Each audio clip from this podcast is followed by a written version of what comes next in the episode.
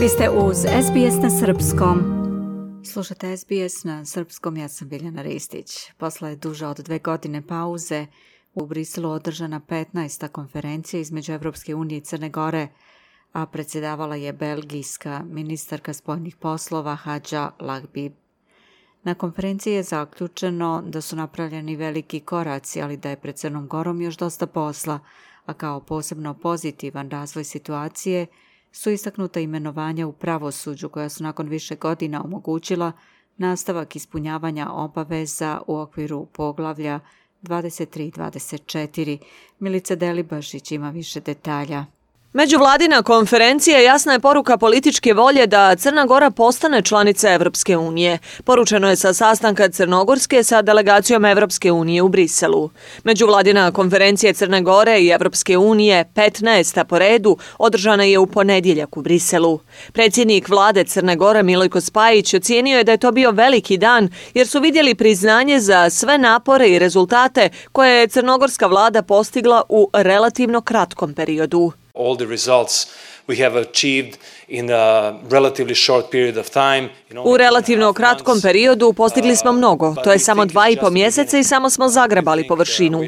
Kao što vi imate velika očekivanja od nas, imamo i mi visoka očekivanja od Evropske unije. Kao izvršna vlast dobili smo vruć krompir u ruke. Došli smo na vlast kada je mnogo toga bilo blokirano, poput pitanja u pravosuđu, ali uspjeli smo to da riješimo. Vidimo i jedinstvo u društvu, manje podjela, ali i pozitivne signale iz opozicije. Ujedinjeno čekamo da se dese snažne reforme.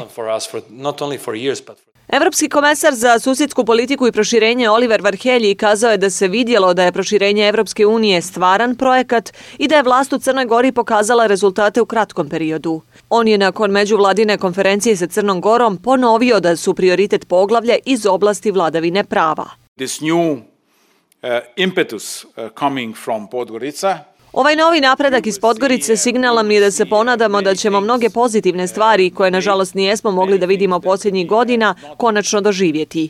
Ipak ne možemo domaći zadatak raditi umjesto vas ili bez vas, ali tu smo da pomognemo.